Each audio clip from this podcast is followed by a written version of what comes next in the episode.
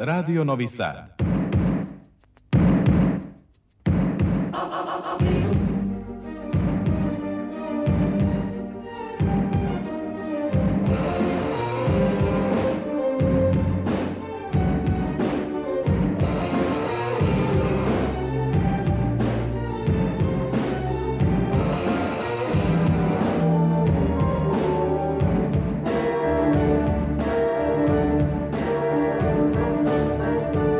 Spektar.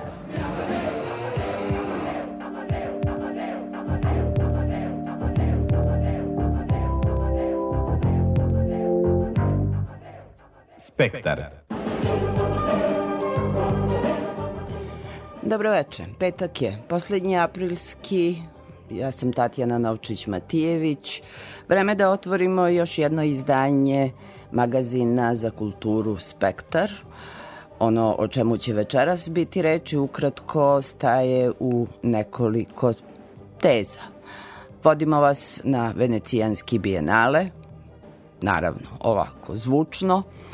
Biće reči o jednoj čudesnoj knjizi koja se zove Reka, a zapravo je jedna sasvim neobična dunavska antologija. Slobodan Tišma govori za spektar.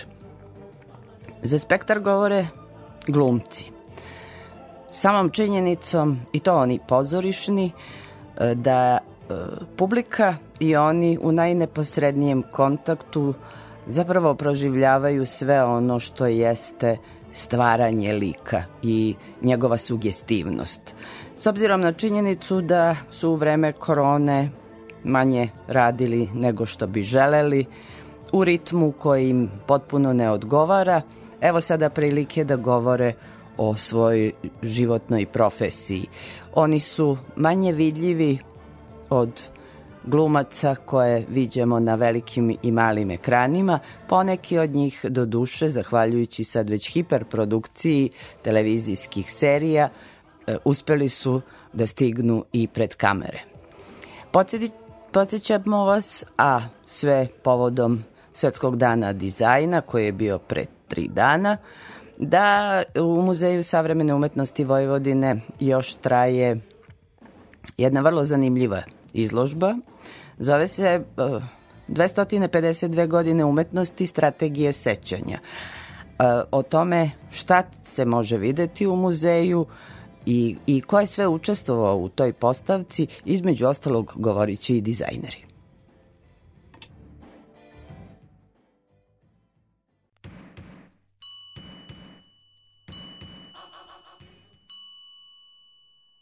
Our life together is so precious. Together we have grown. We have grown. Although our love is still special. Let's take a chance and fly away somewhere alone. It's been too long since we took the time.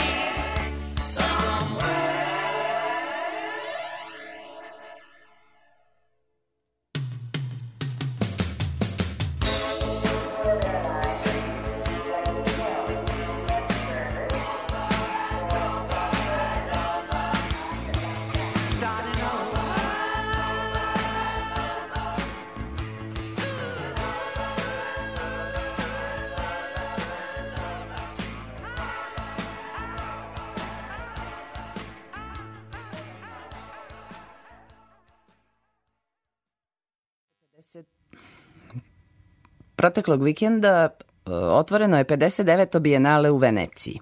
Srbija je predstavljena izložbom Hod sa vodom Vladimira Nikolića i kustoskinje Biljane Ćirić. Reč je o video instalaciji, ujedno i ambijentalnom radu koji postavlja ontološka pitanja o relacijama između čoveka, vode i tehnologije. I Novi Sad je imao svog predstavnika u Italiji.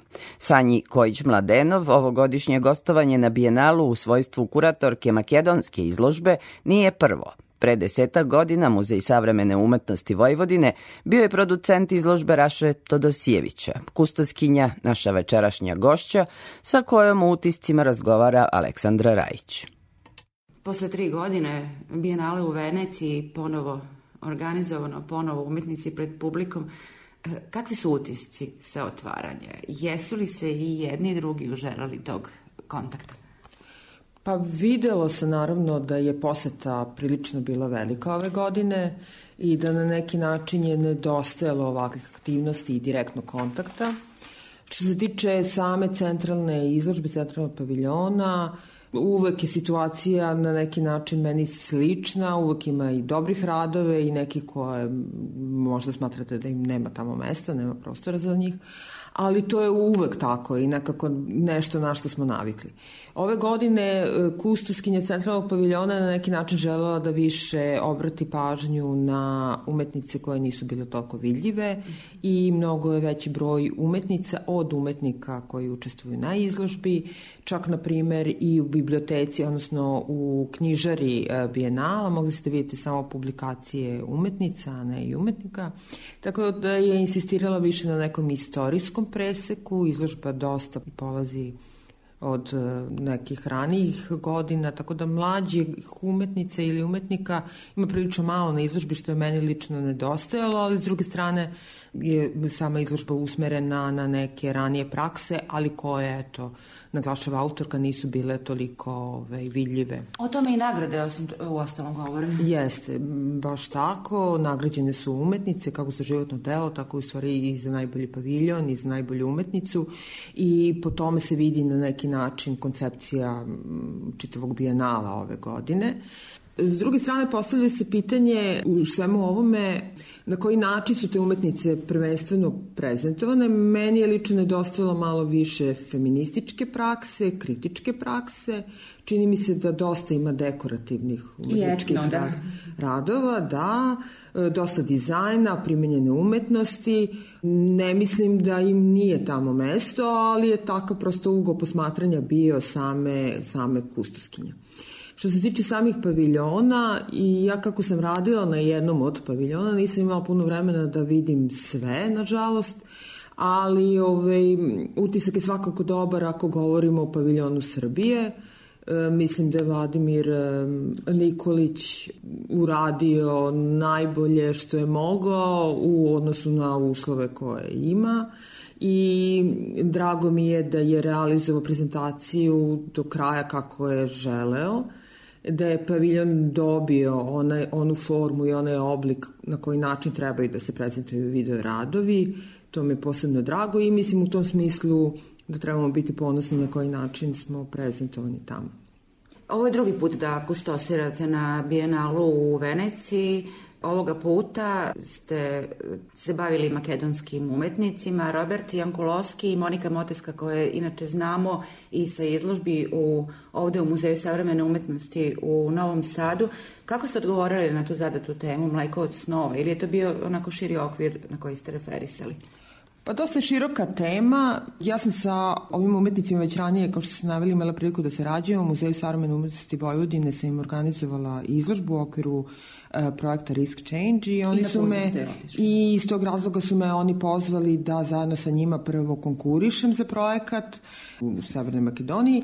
I kako je taj projekat prošao, mi smo ga realizovali u Veneciji s tim što Severna Makedonija za razliku od nas nema svoj paviljon, nego se mora poći od nekog početka, prvo iznajmljivanja prostora i onda realizacije same izložbe što dodatno komplikuje e, čitav proces, ali je meni drago da su oni uspeli isto tako da realizuju projekat na onaj način na koji su želeli i u pitanju je tema e, iskustva pejzaža gde se bave propitivanjem kulture sećanja, na koji način pejzaž trpi e, različite društvene političke promene kroz istoriju, od različitih ratova koji su prošli našom teritorijom do e, iskopavanja rudnog bogatstva, korišćenja prirode zarad različitih društvenih moći, na koji način prirodu ostavljamo, na primjer, ispunjenu toksičnim arsenom, to je jedna čitava grupa radova bila posvećena e, tom problemu, e, što mislim da su prilično aktualne teme s obzirom na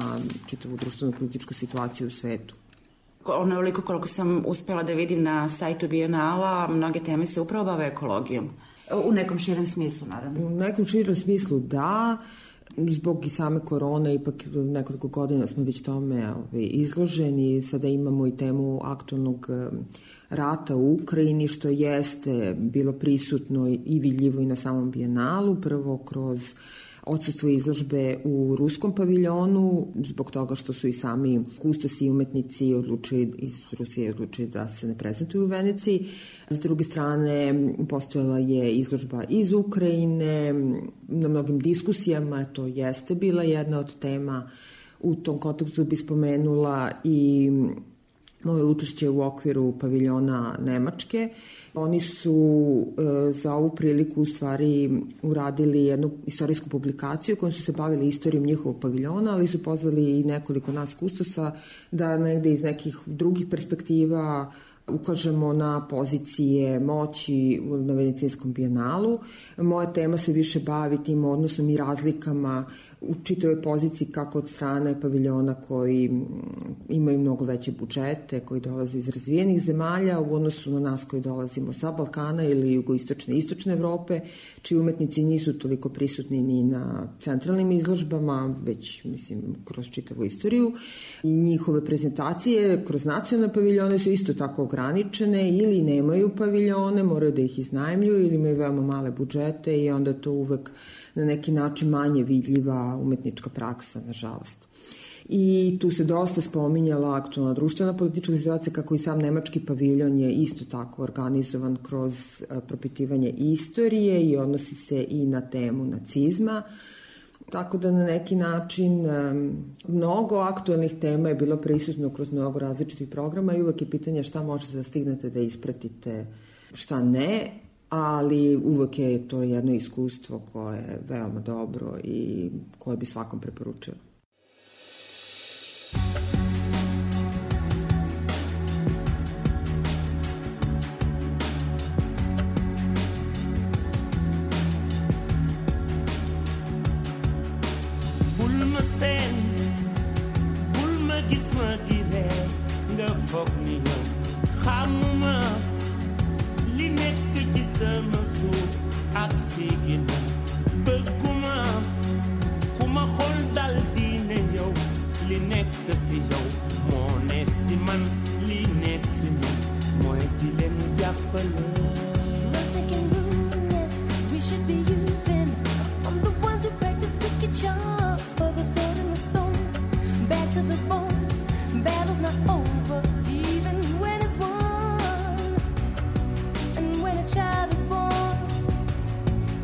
this world,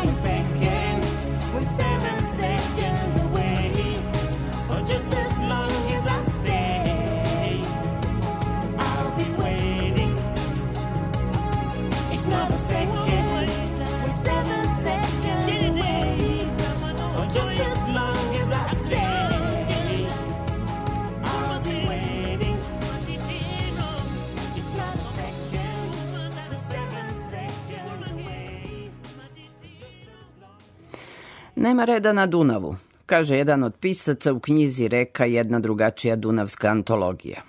Knjigu je objavio Novosadski Nojzac uz podršku Fondacije Novi Sad Evropska prestonica kulture. Reč je o međunarodnom projektu, urednice Edita Kiralj i Olivija Spiridon pokušale su, kako kažu, da izborom književnih tekstova predstave sve mnogostrukosti Dunava. Naše pisce odabrali su izdavači, prevodilac Relja Dražić i urednica Silvija Dražić. Sa njom je razgovarala Aleksandra Rajić. Reka, jedna drugačija dunavska antologija. Naravno, mene najpre zanima po čemu je ova antologija drugačija od drugih. Mislim, Dunav je već pričana priča, ali ne očigledno ispričana, sudeći prema ovoj knjizi. I sad ovo uvodno pitanje zapravo hoću da prepustim vama, a ja ću već e, u tokom razgovora postavljajući svoje pitanja i govoreći o nekim svojim zapažanjima, recimo predočiti ove karakteristike ove zbirke. Dakle, po čemu je drugačija ova antologija? Možda bi ipak da bi došli do tog drugačijeg trebalo ispričati priču kako je knjiga nastala zapravo. Da je ona deo jednog uh, većeg projekta koji se zove na Dunavu jedan evropski književni projekat pa započet u Nemačkoj trajao je otprilike tri godine imao je podršku fondacije Baden-Württemberg što je sigurno omogućilo da se tako iscrpno i, i dugo radi i u njemu su učestvovali Institut za istraživanje istorije i folklora Dunavskih švaba iz Tibingena i Germanistički institut sa Univerziteta Etoš Lorand u Budimpešti.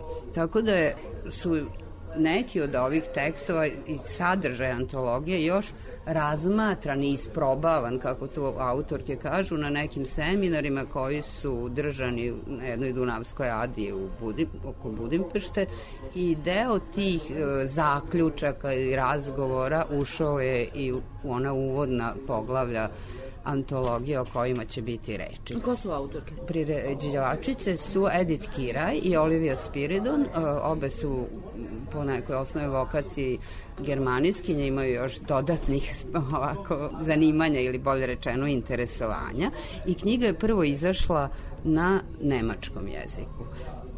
Onda je ideja koja je nosila projekat, ajde da tako kažem, da i sama knjiga nekako isprati e, tok reke i da se objavi na nekim jezicima koji se govore u toku Dunava. Do sad je objavljena na nemačkom i u isto vreme se pripremalo mađarsko i srpsko izdanje. Ne znam da li je mađarsko već objavljeno, mi smo bili nešto brži, ali to mađarsko i srpsko su identični. Znači, u mađarskom izdanju je malo izmenjen sadržaj u korist mađarskih autora, a mi smo dobili priliku, do duše, na sasvim ograničenom broju strana da dodamo i te naše autore, s tim što će oni isto tako biti prevedeni u mađarskom izdanju. U tom početnom nemačkom izdanju postoji samo Mihajlo Pantić, a mi smo onda uh, dodali par autora, dodat je Danilo Kiš, to su zapravo fragmenti iz tekstova, Aleksandar Tišma, Slobodan Tišma, sa jednom pesmom uh, Judita. Judita Šalgo, tako je, onda Mirjana No- Novaković i Siniša Tucić sa jednom pesmom. Znači, mislim da nisam nikog zaboravila. Dakle, to je sad ta antologija koju mi ovde vidimo. I taj e, urednički deo e, tog posla, zapravo uključivanje naših književnika u ovu zbirku, jeste u stvari vaš bio posao, vaš izbor. Jes, to je bio naš reljeni moj izbor. Moglo je tu još toga da, da se doda.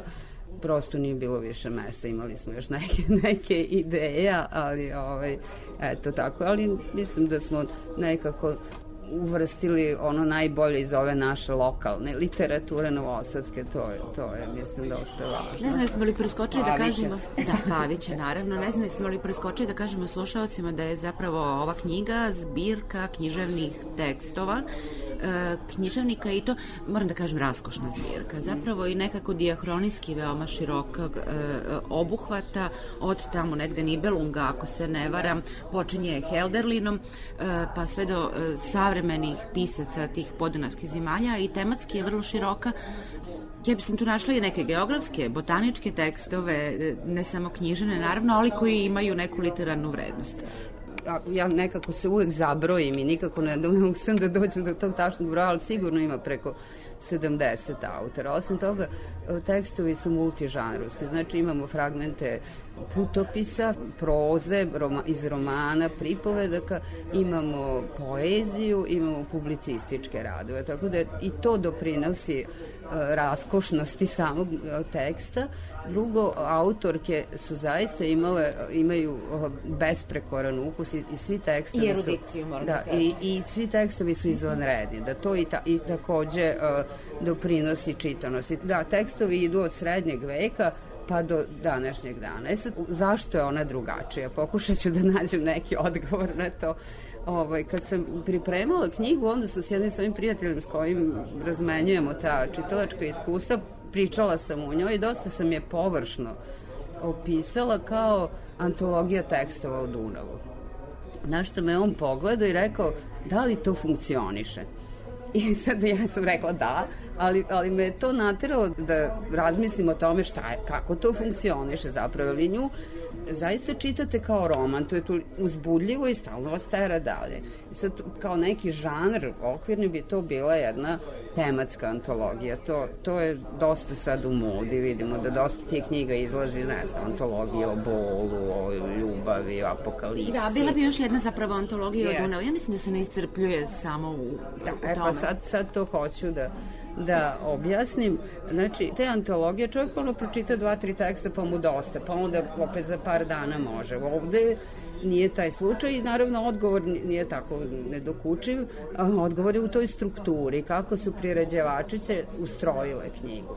One su u stvari izabrale 25 e, toponima, nekih tematskih fokusa koji su okupile te tekstove. E sad, ti tekstovi idu od onih, e, ajde da kažemo, geografskih, koji op- opisuju svaku reku, ne znam, izvor, obale, ušće, pa onda malo specifičnije, tu su ribe, pa tu su poplave. Način izlovljavanja Da, ribe da, do sasvim, da, da, do da. sasvim abstraktnih zapravo pojmova. Jeste. E, i, ali sa šta se dešava? Na izgled ta fizička priča zapravo odmah ima u sebi i tu vertikalu, jednu istorijsku dimenziju, uključuje vreme i to mm, ne samo u smislu onih velikih narativa o događajima koji su tu protutnjali, nego do sasvim nekih lokalnih priča tog sveta života koji se odvijao na nekim e, toponimima Dunava. I sad moram da pomenem neke tekstove ko, ko, koji su...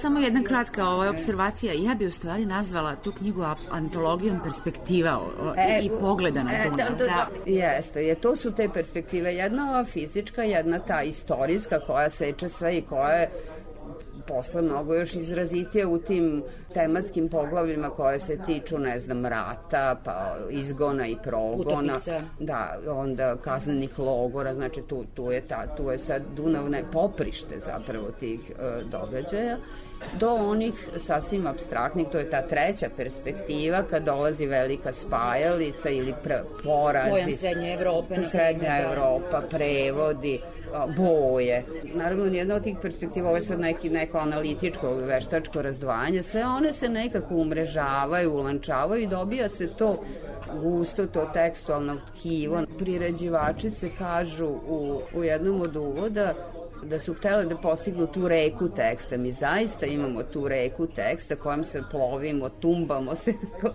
o, sa velikim uzbuđenjem od, od ušća, od izvora do ušća. Da, da, rastu tekstovi Ja, prema ušću, da. jeste. Rekli ste da ćemo pomenuti neke od Pa autora. ja bih, naravno, osim već- naših, da, ja recimo sam veliko uživanje imala čitajući dva teksta autora koji su mi bili potpuno nepoznati. Jedan je Arnold Bronen, to je tekst o poplavi koja se dogodila u, u 1955. zapamtila zbog godine u Gornjoj Austriji. To je jedna izuzetno uzbudljiva priča koja je povezala e, to nadolaženje vode nadolaženje poplave koja polako osvaja ceo taj kraj sa jednom ljubavnom pričom koja se paralelno događa i to je toliko uzbudljivo napisano, ja sam tri put čitala zašto sam lektorisala, da svaki put sam istim uzbuđenjem. Takođe u tom ima za mene nepoznat autor Gert Jonke, on je mislim i neki dramaturg ili režiser, priča se zove Državni most i to je priča o, o mostu u Beču koji je uz veliku pompu izgrađen ove 30 i neke i potom se 76.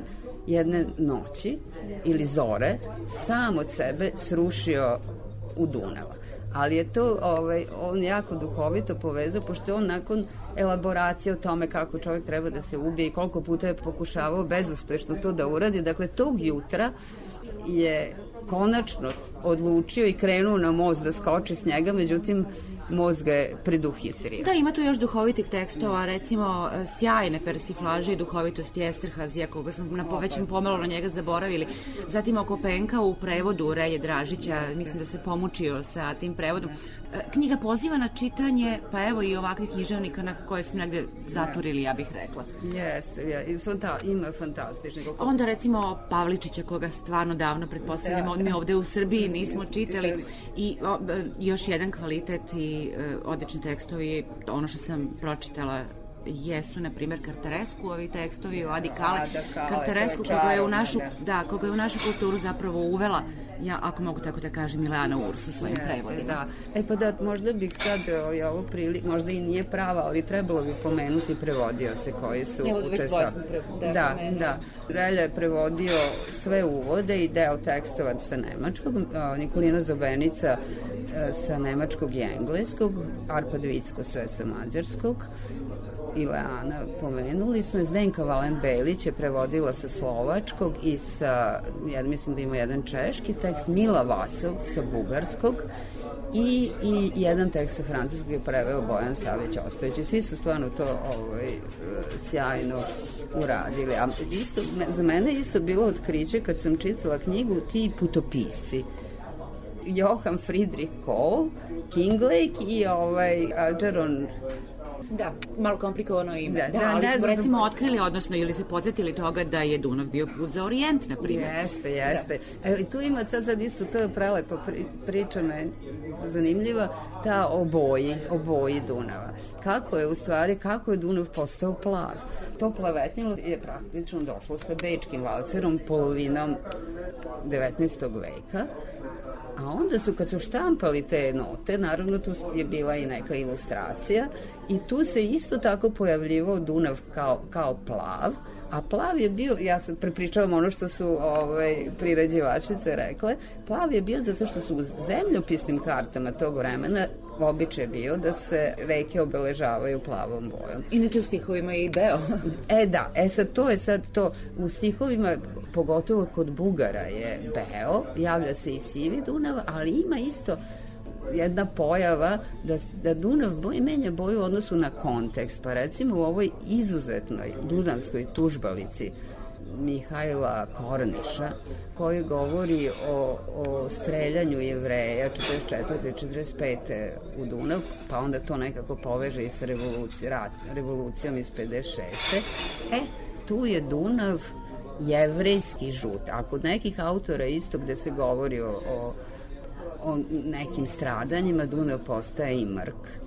I možda samo za kraj da uh, još jedan kvalitet knjige, a to su ilustracije. Da, ilustracije predstavljaju poseban kvalitet knjige i one zapravo e, nisu doslovne ilustracije teksta, ne, nema tog e, paralelizma između teksta, da tekst ilustruje. Imaju umetnički kvalitet, Imaju da. svoj umetnički kvalitet i, i, zaista su izuzetno i mi smo zapravo imali prostora da uvrstimo dve fotografije uz ovaj naš e, prilog na srpskom jeziku, to su fotografije Željka Mandića i Miše Bokorova.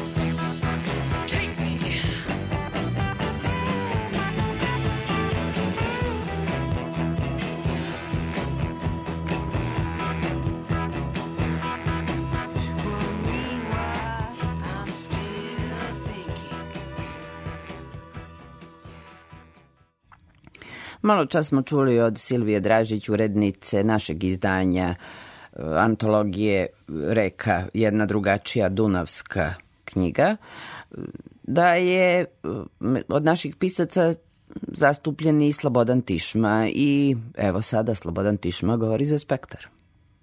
Naravno, meni je čast da sam ja tu, iako ja sam, kako bih rekao, zahvaljujući pre svega Sivu, Dražić i Relji, tu dospeo, ali čast mi je, mislim, tako da, eto, osjećam se kao neki mali junak, ne velika, ali mislim, ovaj, pošto je taj moj, to je jedna vinjeta, mislim, sličica jedna iz tog mog dnevnika pesničkog, tako da se osjećam kao mali junak, ali Dobro, ali Dunav je važan u tvom pismu. Da, apsolutno, jako je važan. Mislim, pa moje knjige su nastajale tu u toj šumici kod vodovoda gde sam ja dolazio kada sam živeo na limanu i tu sam smišljao sve to šta ja znam, ovaj, pogotovo te prve knjige, između ostalog i Blues Diary ili Pitama religiozna razmišljanja koja je cela tu nastala. Pa i priče isto, Urvidek, to je sve bilo nastalo u vreme kad sam živeo na limanu. E sad već Bernardijeva soba to nije, to je nastalo tamo u Banatiću, znači kod stanice gde i sad živim. I otkrivamo da, da su ti mikrosvetovi novosadski jako važni. Jeste, jeste. Pa ja uvek kažem, ja sam u stvari a, pisac tog nekog mikrosveta te Pavl, Pavlove ulice i limana. Znači ja nisam pisac Novog Sada. Pisac Novog Sada je Aleksandar Tišma. Mislim, on je imao taj format, tako da kažem, koji ja nemam. Mislim, ja onda istorijski diskurs koji je jako bitan, jer Tišma je to rabio, on je, mislim, živao to vreme. To često zavisi od te neke situiranosti, situiranosti u vremenu, znači koje smo vreme živeli. Ja nisam živeo, ja uopšte nisam živeo u vreme rata. Ja sam živeo u, uglavnom u doba mira. I otud, i otud ti mikrosvetovi, Da, ja? i onda je to taj neki mali ovaj život ljudi, obični, svakodnevni, koji ima te svoje neke vrednosti, tako da kažem. On je poetičan sam po sebi, mislim, ovaj, uzbudljiv. Znači, to je to iskustvo stvari koje nemaju taj značaj, koji imaju taj, kako bih rekao, to su mali narativi. Da, da, da, mali, mali prostorno, ali zapravo dubinski su veliki narativ. Jeste, da, ali to obično se gleda Istorija je velik narativ, znači ono što se događalo u istoriji, svi ti užasi i tako dalje, koji hvala Bogu ako smo pošteđeni, mislim ovaj, da nismo u velikom, samo da ne budemo u velikom narativu. Mislim, ovaj, to je ono, ovaj, uvek ta briga. Mali narativ, to je poezija, mislim, to je li, taj lirski diskurs koji je ovaj, meni blizak, iako ja ne mogu da kažem da sam ja pisao lirsku prozu moja proza ima veze sa pesništvom, znači sa egzistencijom u nekom dubljem smislu. To je ipak jedno dublje iskustvo, ali s polja gledano to nije, ne znam, Bog zna šta. To e, duboko iskustvo govori da ovaj prostor, ovaj grad, makar i na tom mikroplanu, daje mogućnost za tu dubinu. Pa ne, sigurno. Mislim, ovaj Novi Sad je ovaj Panonija, mislim, on ima autentičnost, tako da kažem, podneblje. To što smo govorili o Miljevu i tako dalje, koji je jako bitan. Mislim, to je, po meni to je suština. Mislim, ne ovo što smo rekli, nacije, jezici, pa to su sve o, ti istorijski konstrukti, znači to je sve veštački napravljeno.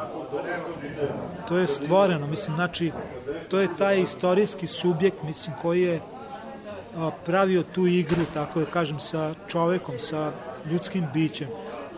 Ovo, poezija je nešto drugo, mislim, ona je taj, to dubinsko iskustvo egzistencije, postojanja. To je samo to ljudsko biće, A ja? da, da, da, to je, i to je ono s čime se ja u stvari bavim, ja o tome pišem, mislim, znači to je ovaj, naravno to iskustvo je i teško, mislim, ono je ovaj, nije ono tako uopšte lako, mislim, ono je često i strašno, i mislim, ovaj,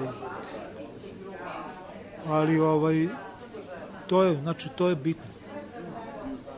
I sada postoji taj jedan program u okviru ove Evropske predstavnice kulture koji e, propituje da li je Novi Sad književni grad ili je naprosto grad svakodnevice, ali meni se čini da u, u, u tvom rukopisu nema te dihotomije. Tvoj opus govori da svakodnevica jeste književnost ukoliko se ima taj osjećaj za, da se prepozna, da se zabeleži ta dubina, jel? Jeste, pa da, treba živeti, mislim, pre svega ne, ne treba, mi možemo da profanost, svakodnevica, može da bude traćenje vremena, ali treba živeti tako da iskoristimo taj trenutak, mislim, znači postojanja svakodnevice, znači kada smo posvećeni tom, tom trenutku, da, znači to je toj metafizici, tako da kažem, postojanja.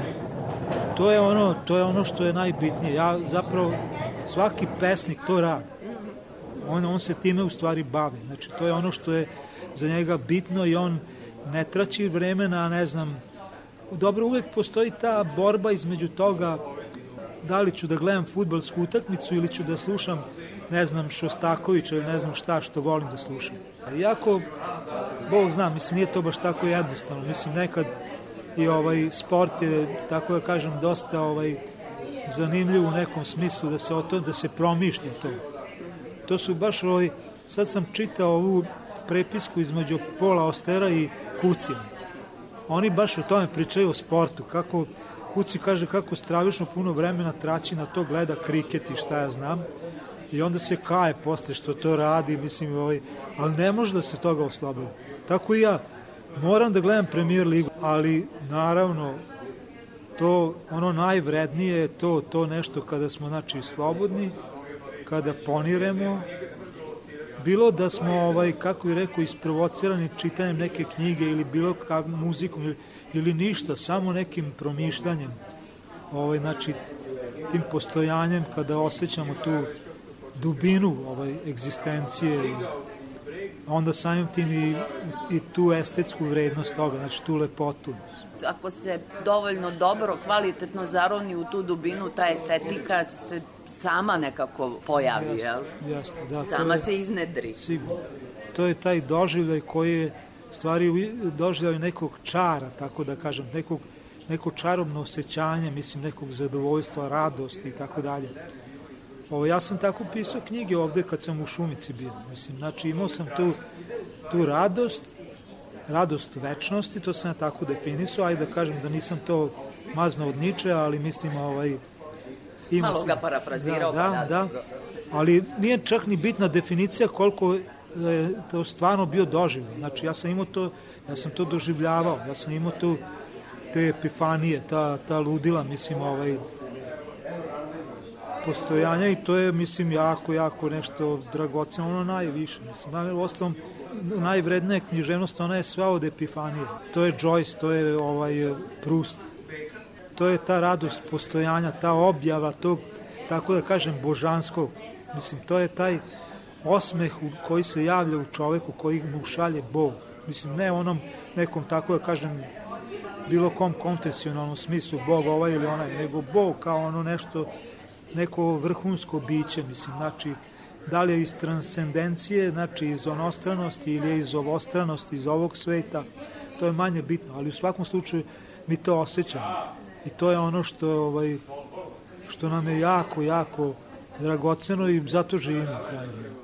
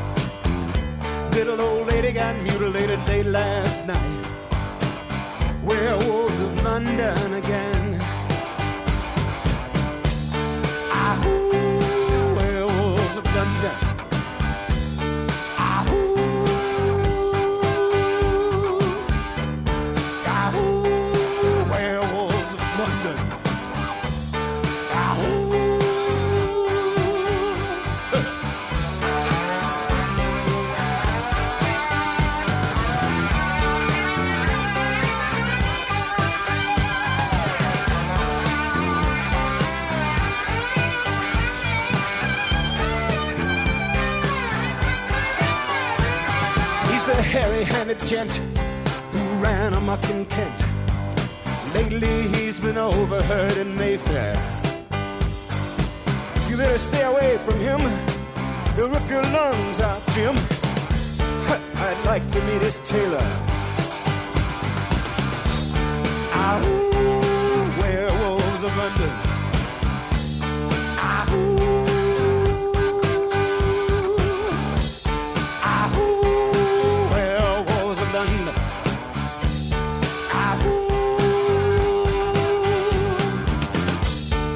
Saw Lon Chaney walking with the Queen, doing the werewolves of London. I saw Lon Chaney Jr. walking with the Queen, doing the werewolves of London. I saw a werewolf drinking a pina colada at Trader Vic's. His hair was perfect.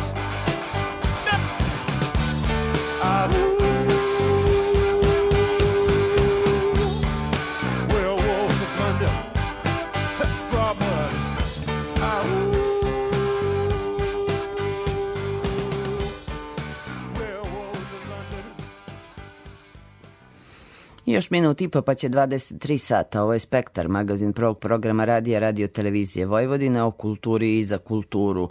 Rekoh u najavi, pred tri dana obeležen je Svetski dan dizajna.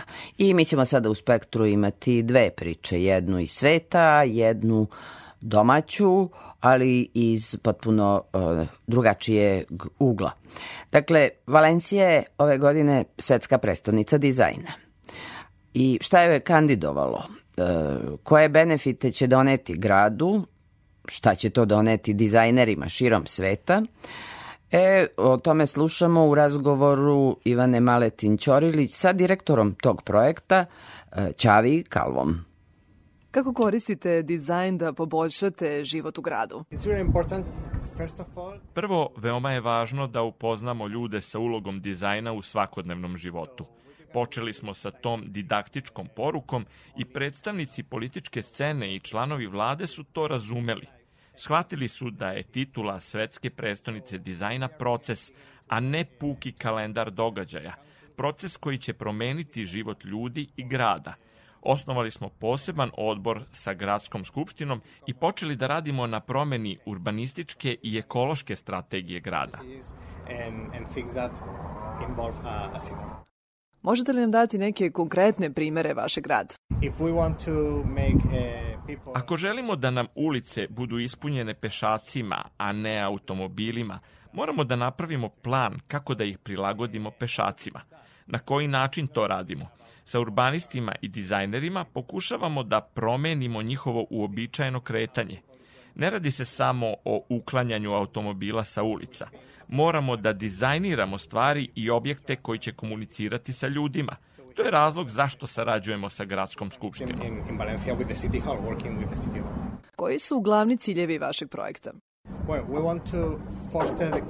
Želimo da ukažemo na značaj kulturnog dizajna i u drugim gradovima, ne samo u Valenciji. Da ljudima objasnimo da je dizajn deo svakodnevnog života. Nastojimo da pomognemo dizajnerima i podstaknemo kompanije da ulažu u tu oblast. Moramo da ih uverimo da je dizajn oruđe za poboljšanje života i da može da donese veći profit i konkurentnost španskim firmama i na međunarodnom tržištu. outside Spain, for example. Da li je to takođe dobra šansa i za lokalne dizajnere? It's the best chance for local designers because the focus is put To je najbolja šansa za njih jer je fokus na Valenciji. Budući da smo svetska prestonica dizajna, ne možemo samo da govorimo o lokalnim dizajnerima, nego o najboljim dizajnerima sveta. Došao je trenutak da krenemo da pravimo dizajn distrikt u Valenciji, kako bismo se pobrinuli za lokalne talente, ali i privukli one sa strane. Na koji način lokalni dizajneri učestvuju u programu projekta Valencija Svetska prestonica dizajna? Our main agenda is built by designers in Valencia. Oni su i kreirali naš glavni program u godini titule. Prošle i pretprošle godine smo imali otvoren poziv u sklopu kojeg su mogli da predstave projekte koje žele da realizuju uz našu podršku. Većina programa je osmišljena za njih. Drugi su tu uglavnom da im pomognu u organizaciji izložbi i učestvuju na konferencijama. to je moje sledeće pitanje. Koje su glavne izložbe koje će biti organizovane u godini titule? We have our seven signature events are like the most Imamo naših sedam udarnih događaja koji su međunarodnog karaktera i podržani od svetske dizajn organizacije. Sedam događaja, konferencija, razgovora i susreta koji se organizuju svake dve godine u prestonici dizajna, kako bi se one uporedile i kreirao obimniji program. Osmislili smo i lokalni program sa više od 100 projekata. Tu je još mnogo događaja koji će biti realizovani pod kišobranom svetske prestonice dizajna. To je kao nedelja dizajna koja traje tokom cele godine. Uveden je direktan let iz Beograda za Valenciju. Koje izložbe i mesta biste preporučili srpskim turistima koji odluče da posete Valenciju da obiđu? This is a Walt Design capital, so if you are uh, Valencija je svetska prestonica dizajna. Ako dolazite iz oblasti kreativnih industrija, to je mesto koje će vas inspirisati. Mora se naći na mapi za dizajnere i za ljude iz sektora kulture je takođe veoma značajno, jer mi govorimo o dizajnu referišući i na kulturu, biznis i industriju. Koji su vaši planovi za budućnost po završetku projekta? We have created a foundation, Osnovali smo fondaciju i to će biti glavni legat projekta Valencija svetska prestonica dizajna. Od januara naredne godine fondacija će preuzeti odgovornost da nastavi organizaciju velikih događaja, institucionalizaciju dizajna i saradnju sa državnim organima. Valencija je ove godine takođe i evropska prestonica pametnog turizma. Jesu li ta dva projekta povezana i da li međusobno meeting U početku nisu bila povezana, ali smo već na prvom zajedničkom sastanku uvideli da od 10 vrednosti i ciljeva koje smo postavili imamo osam zajedničkih. To su pre svega održivost i stavljanje ljudi u centar. Postoje aktivnosti koje mi radimo za njih i obrnuto. To je sjajno. Naše teme su gotovo iste. This year we have so much things in, in common. A Za kraj, da li ste zadovoljni reakcijama turista? First of all, the tourists in Valencia had also had always a great Turisti u Valenciji se uvek osjećaju sjajno. Mislim da nemaju velika očekivanja i- predznanje o gradu u koji dolaze. Postoji jedan lokalni izraz. Valencija nema kraja, jer uvek otkrivate nove stvari. Titula svetske prestonice dizajna nudi još više. More new things to, to discover in the city.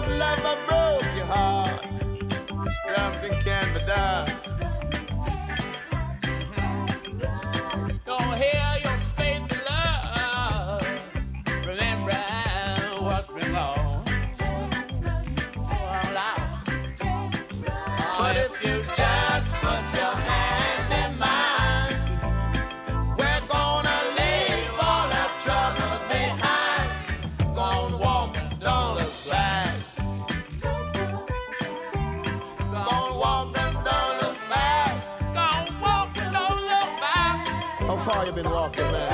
100 miles. Just to walk. You still got some more to walk, man. I know, got a long way to go.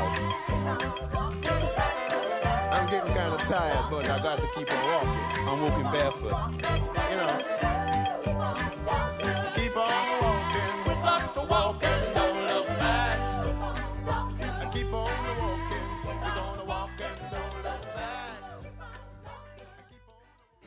Odavno znamo da svi putevi vode u Rim. Evo malo čas čusmo da ove godine e, svi putevi vode i u Valenciju. Ali to su nekako mnogo daleki putevi, e, oni, ona je mnogo bliži recimo do Muzeja savremene umetnosti Vojvodine gde do 8. maja traje izložba 252 godine umetnosti, strategije sećanja iz istorije umetničkih udruženja. I pošto je već reč o dizajnu, evo sada o toj izložbi govori dizajner celog projekta, a osim izložbe obuhvata i web sajt i katalog, Nenad S. Lazić. Generalno, dizajneri su uvek u nekom prikrajku. Ne, nikad, svaki dizajn koji se gleda naj, najčešće se ili ne zna ko je dizajner ili se sasvim slučajno ovaj, sazna. To je, na primjer, razlika između grafičkih dizajnera ili nekih dizajnera koji se bave modom ili arhitekturom. Oni su nekako uvek u centru pažnje njihovo ime. Dok u slučaju grafičkih dizajnera to se najčešće ne zna. Ali vi ste zaslužni da ova postavka izgleda baš ovako. Pa u, u većem delu. U većem delu je, pošto ja to nisam radio sam, već sa ostalim kustosima, to je neka naša saradnja, gde smo u stvari od materijala ko, koji nam je dostupan, smo u stvari pravili neku, neku vrstu slagalice koja, koja treba da prikaže ono što nam je u stvari bio i cilj. Dobro, zapravo, zapravo ste e, pričali priču, jeli, u, Da, u, da, svim, pričali u smo, svim segmentima. Da, da. Pričali smo priču u stvari o tim na, nekim na, u stvari o tim našim udruženjima i u tom nekom trajanju koje je već 60 godina.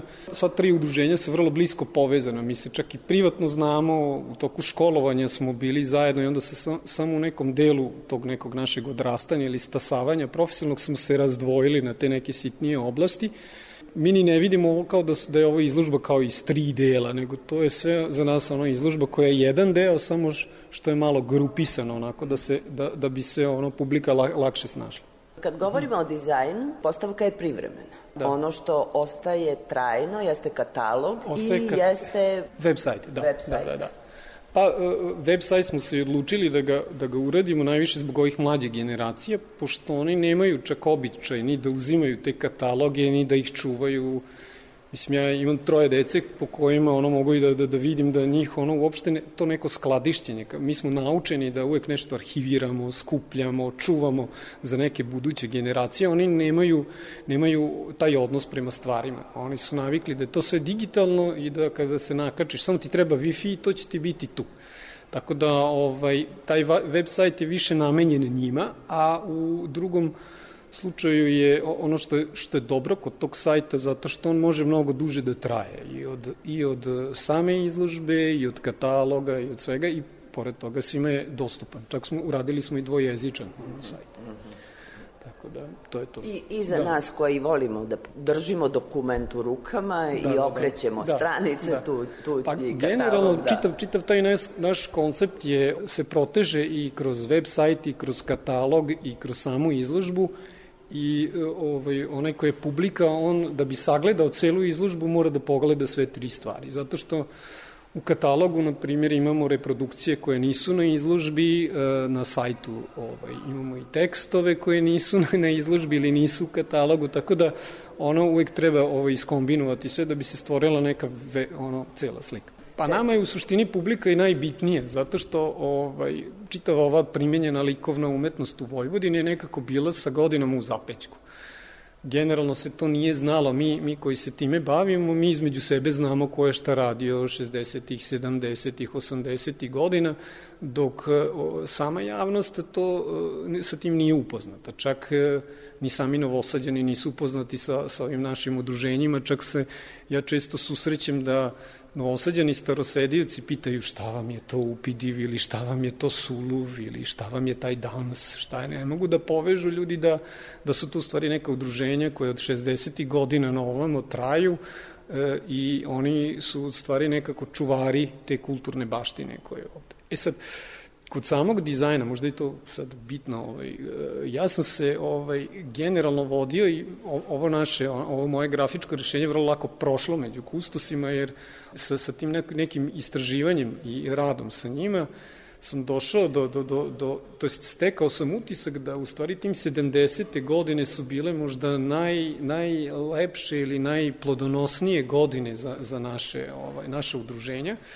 a u to vreme je najviše cvetala keramika. Tako da sam ja u stvari sa, i sa logom i sa čitavim tim konceptom hteo da nekako aludiram na neki moderniji način i čak koji nema, gde se ne vidi sama ta ka- keramika, ali da svaki posmatrač nekako intimno kada pogleda taj znak i taj identitet oseti da je reč o keramici. Čak smo, evo, dobili smo ovaj, e, iz Kine, mislim da je neka gospođica pisala, je bila oduševljena sa izložbom keramike. Znači, ona čak nije, ovaj, ona, ovaj, nije uspela ni da pročita, pošto smo mi na Ćirilici to prvobitno obra, objavili, tako da ona nije ni mogla ni da pročita, ali samo, samo taj vizualni identitet izložbe je, je, ju je potakao da ona misli da smo mi, da se bavimo keramikom i da imamo ovaj, nešto u vezi sa keramike. Tako da, bar ja kao dizajner mislim da je to jedan od ono, ovaj, uspeha samog znaka i ove izložbe.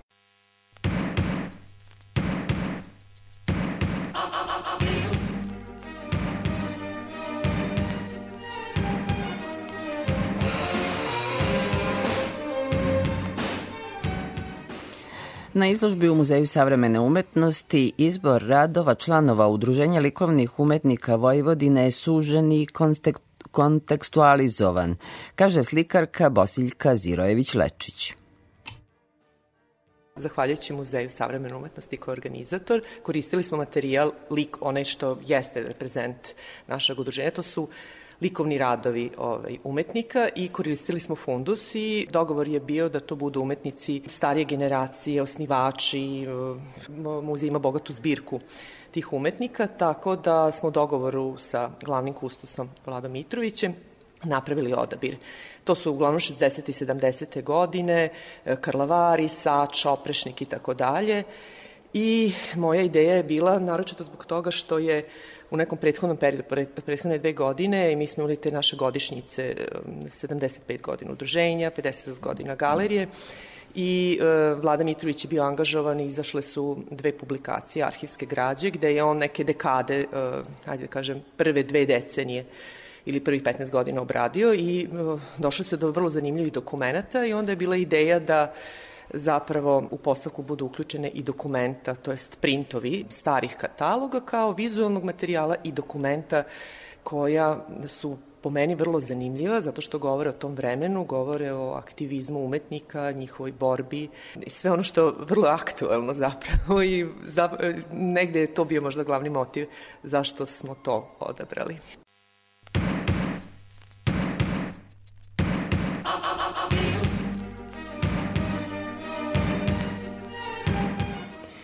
Modernizam u arhitekturi Novog Sada monumentalno je predstavljen arhitektonskim fotografijama, ističe Aleksandar Bede iz Društva arhitekata Novog Sada. Ovaj muzej baštini zapravo između oslog i nasledđe lokalne, moderne arhitekture, kojom se mi pretežno bavimo jer taj period modernizma se poklapa sa postojanjem društva arhitekata Novog Sada. Naše strukovno udruženje je osnovano 1960. godine i zapravo sad da na ovoj izložbi smo izneli, kako da kažem, svu svoju srebrninu iz, iz tih svih decenija i prikazali na najšarikoliki način kompletnu produkciju kako društva, tako i njegovih pojedinačnih članova. Kada se tako zgusne priča o modernoj arhitekturi ovoga grada, pogotovo iz današnje perspektive vidimo da je to grandioznost zapravo onoga umetničkog u arhitekturi. Da, i posebno tom služi mediji arhitektonske fotografije, koje smo mi posvetili veliku pažnju upravo iz razloga jer smo shvatili da je to vrlo moćno rešenje sa kojim se može skrenuti pažnja na kvalitete moderne arhitekture I u ne, za, zadnjih 5-6 godina smo upravo imali taj e, ciklus pod nazivom Fokus na modernizam, gde smo slali arhitektonskog fotografa Relju Ivanića da ciljeno fotografiše neke od objekata u gradu koje smo mi smatrali remek delima i po prvi put smo zapravo dobili e, tako kvalitetne fotografije koje upravo na tom grafičkom dvodimenzionalnom nivou pokazuju sav kvalitet te arhitekture perioda od 60-ih pa nadalje. I to smo između ostalog prikazali na ovoj izložbi u velikim formatima.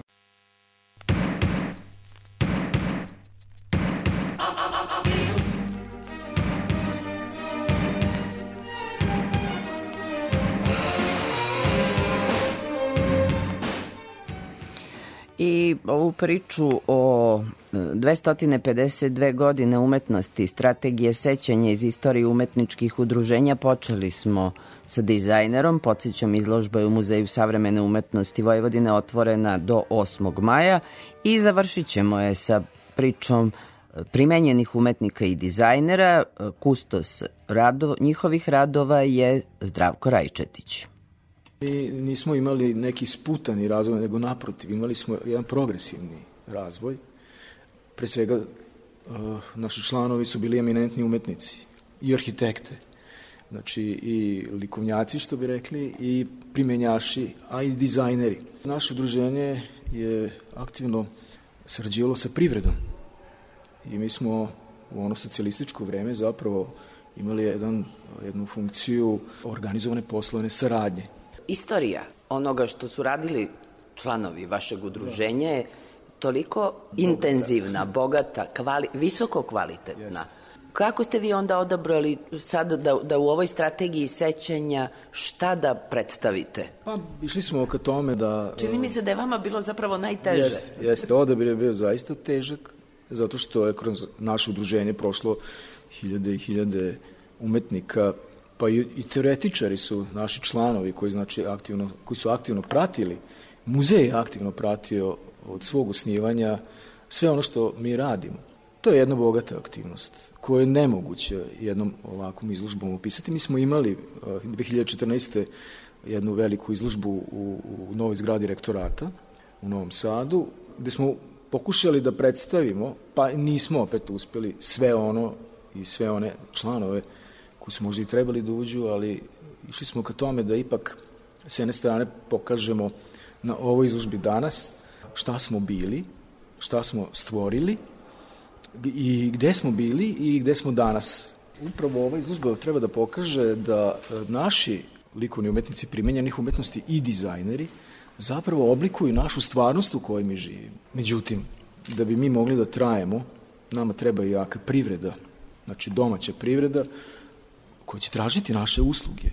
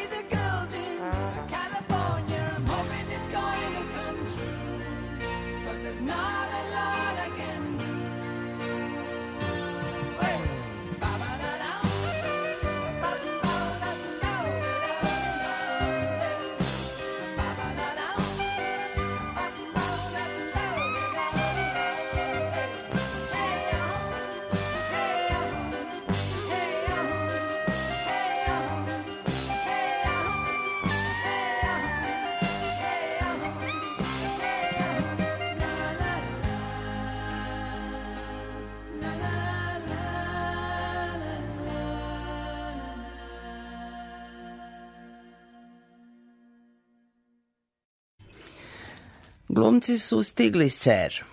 Čuvena je replika iz Hamleta. No glumci kojima ustupamo vreme koje sledi su oni koji otkrivaju istinu o sebi.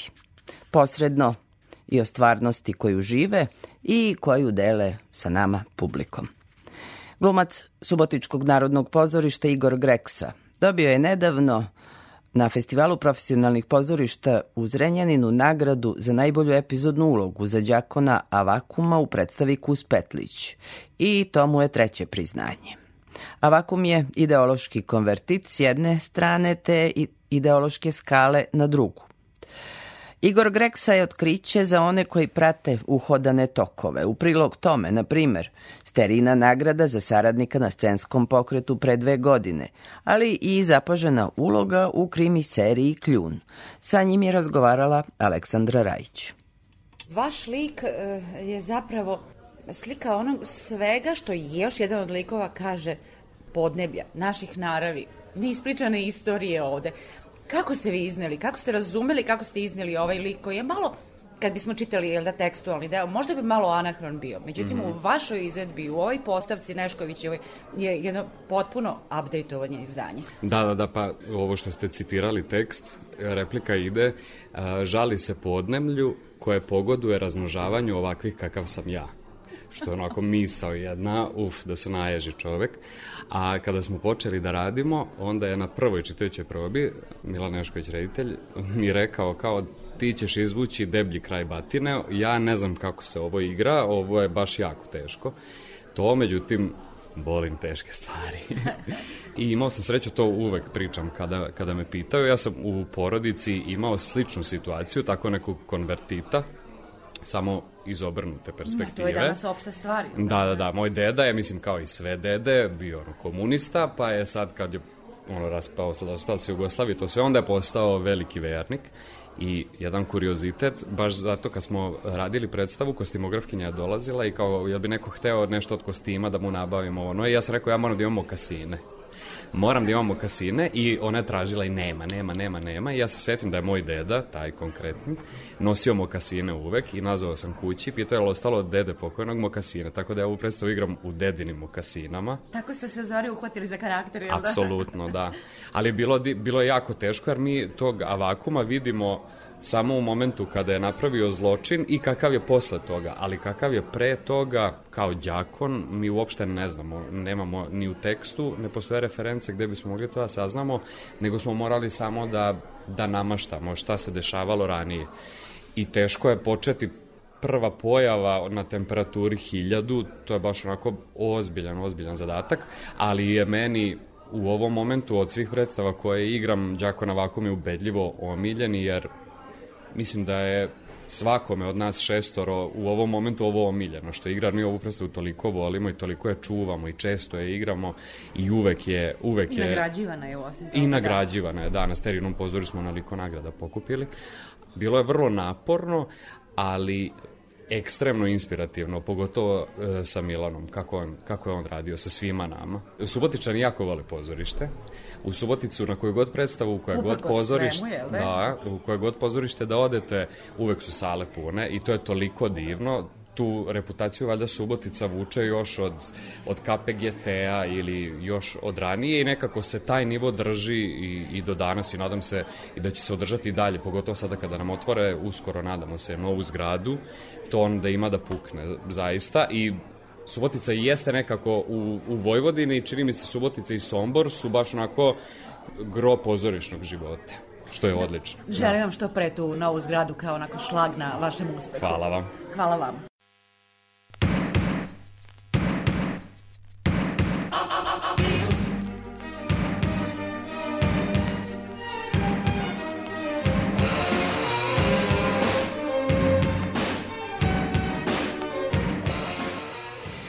Andreja Janković, glumica, gostuje u predstavi Richard III, takođe Šekspir, Novosadskog pozorišta Ujvideki Sinhaza, režija Dejan Projkovski. Tumači ulogu Margarete, žene uništene Richardovim zlom. Dobila sam jedan jako zanimljiv zadatak. Ne samo zanimljiv, jako težak zadatak. I na početku apsolutno nisam znala kako ću to kako ću ulaziti uopšte u taj lik. Žena ko, ko svakoga izgubi u životu. Muža, braće, sinove. Kako, mo, kako može to odigrati, kako može te emocije, kako je moguće isčupati ili naći u sebe ili odakle da uzmem hrabrost uopšte to da pomislim na to da šta bi bilo ako bi izgubila svakoga. Ja sam to pokušala nekako sebe sam probala svaki dan malo da uguram u te emocije pa sam našla šta našla. I, i stvarno koliko je teško toliko i nije bilo teško. Ne, ne, mogu, ne mogu svaki dan isto e, ponov, da ponovim nego svaki dan malo drugačije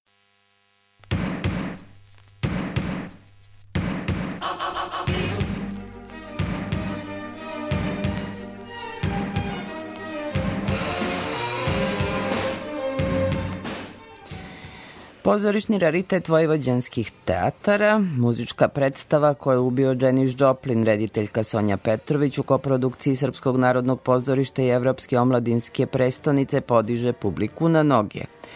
Osveženje na sceni, muzika koja se izvodi uživo, Uz grupu mladih muzičara svoje talente predstavile su glumice Bojana Milanović, Sonja Isailović. Posle festivalske izvedbe sa njima je razgovarala Aleksandra Rajić. Predstava, moram da kažem, svakim igranjem sve više i više narasta i sve više i više mi uživamo u njoj i nekako smo e, sigurni u, u našu ekipu, sigurni smo u publiku, u kom god gradu da se nađemo, nekako smo sigurni da će razumeti, prepoznati, da će se osetiti ta njena priča, u stvari i svačija priča. I nekako smo zadovoljni kada se to zaista i desi, tako da mogu samo da kažem da, da svako igranje imamo neke nove, neotkrivene momente i zato, zato se i radujemo svim narednim igranjima. Šta je to večeras bilo što vas je ovako ponelo? Jer očigledno vas publika ponese u nekom trenutku. Nema, nema tu sad konkretnog nekog trenutka. U nekom, do, dostigne se neka temperatura u kojoj, koju mi konačno osetimo sa druge strane i onda se nekako zajedno pođemo u to. E, ono što je zanimljivo to je da sam večeras videla i tinejdžersku publiku u sali. Da li je i to namera između ostalog Pa, ove predstave? Namera je bila rediteljkina pre svega Sonjena da se ispriča priča o Janis. I nekako nismo ništa očekivali, samo smo najiskrenije, najčestitije radili na tom sadržaju i pokušali smo da što više razumemo Janis. E, I mislim da je nekako e, publika to stvarno i mlađa i starija prepoznaje i nama je izuzetno drago, opet kažem gde god da se nađemo, u kom god gradu, uvek se nađe i mlađa publika i starija publika, ovi e, stariji e, uglavnom e, pevaju sa nama, znaju pesme, prepoznaju, e, ovi mlađi poneki znaju, ali većina ne zna, onda se upoznaju, sutradan nam pišu kako su e, otišli e, kućama i slušali Janis, kako su eto poželeli e, da još više istraže o njoj, t- tako da nam je to stvarno negde jako drago, što je predstava za sve. Ono što je stvarno ha, iznerađenje za nas koji prvi put gledamo ovu predstavu jesu vaše glasovne mogućnosti. Ne očekujemo od glumaca, osim u nekom recimo brehtovskom teatru, jel, da tako zapevaju na sceni. Vi se potpuno dajete. Kako to postižete? Jesu li to neke e, pouke sa akademije ili je to prosto vaše? Mi smo u procesu jel, radili i shvatili smo u jednom trenutku da nijedna od njenih pesama ne znači ni sposobnost, ni talent, ništa ako nema temperature, ako nema žara i potrebe da se kaže to što se peva u pesmi. Tako da e, nijedna njena pesma bez osjećanja unutrašnjeg i potrebe ne može da se iznese i mnogo je teže ako odsustvuje jel, glavna stvar, a to je žar, njen Koja je žar. vaša numera? Pa možda recimo Cosmic Blues. Moram da kažem, e, da se nadovežem na ovo vaše pitanje, nas su na akademiji učili da glumac može sve. I moja pesma isto, ja bih rekla, Cosmic Blues, jer nekako ona dođe onako na kraju i onako je baš kruna, kruna svega, pa i njenog života.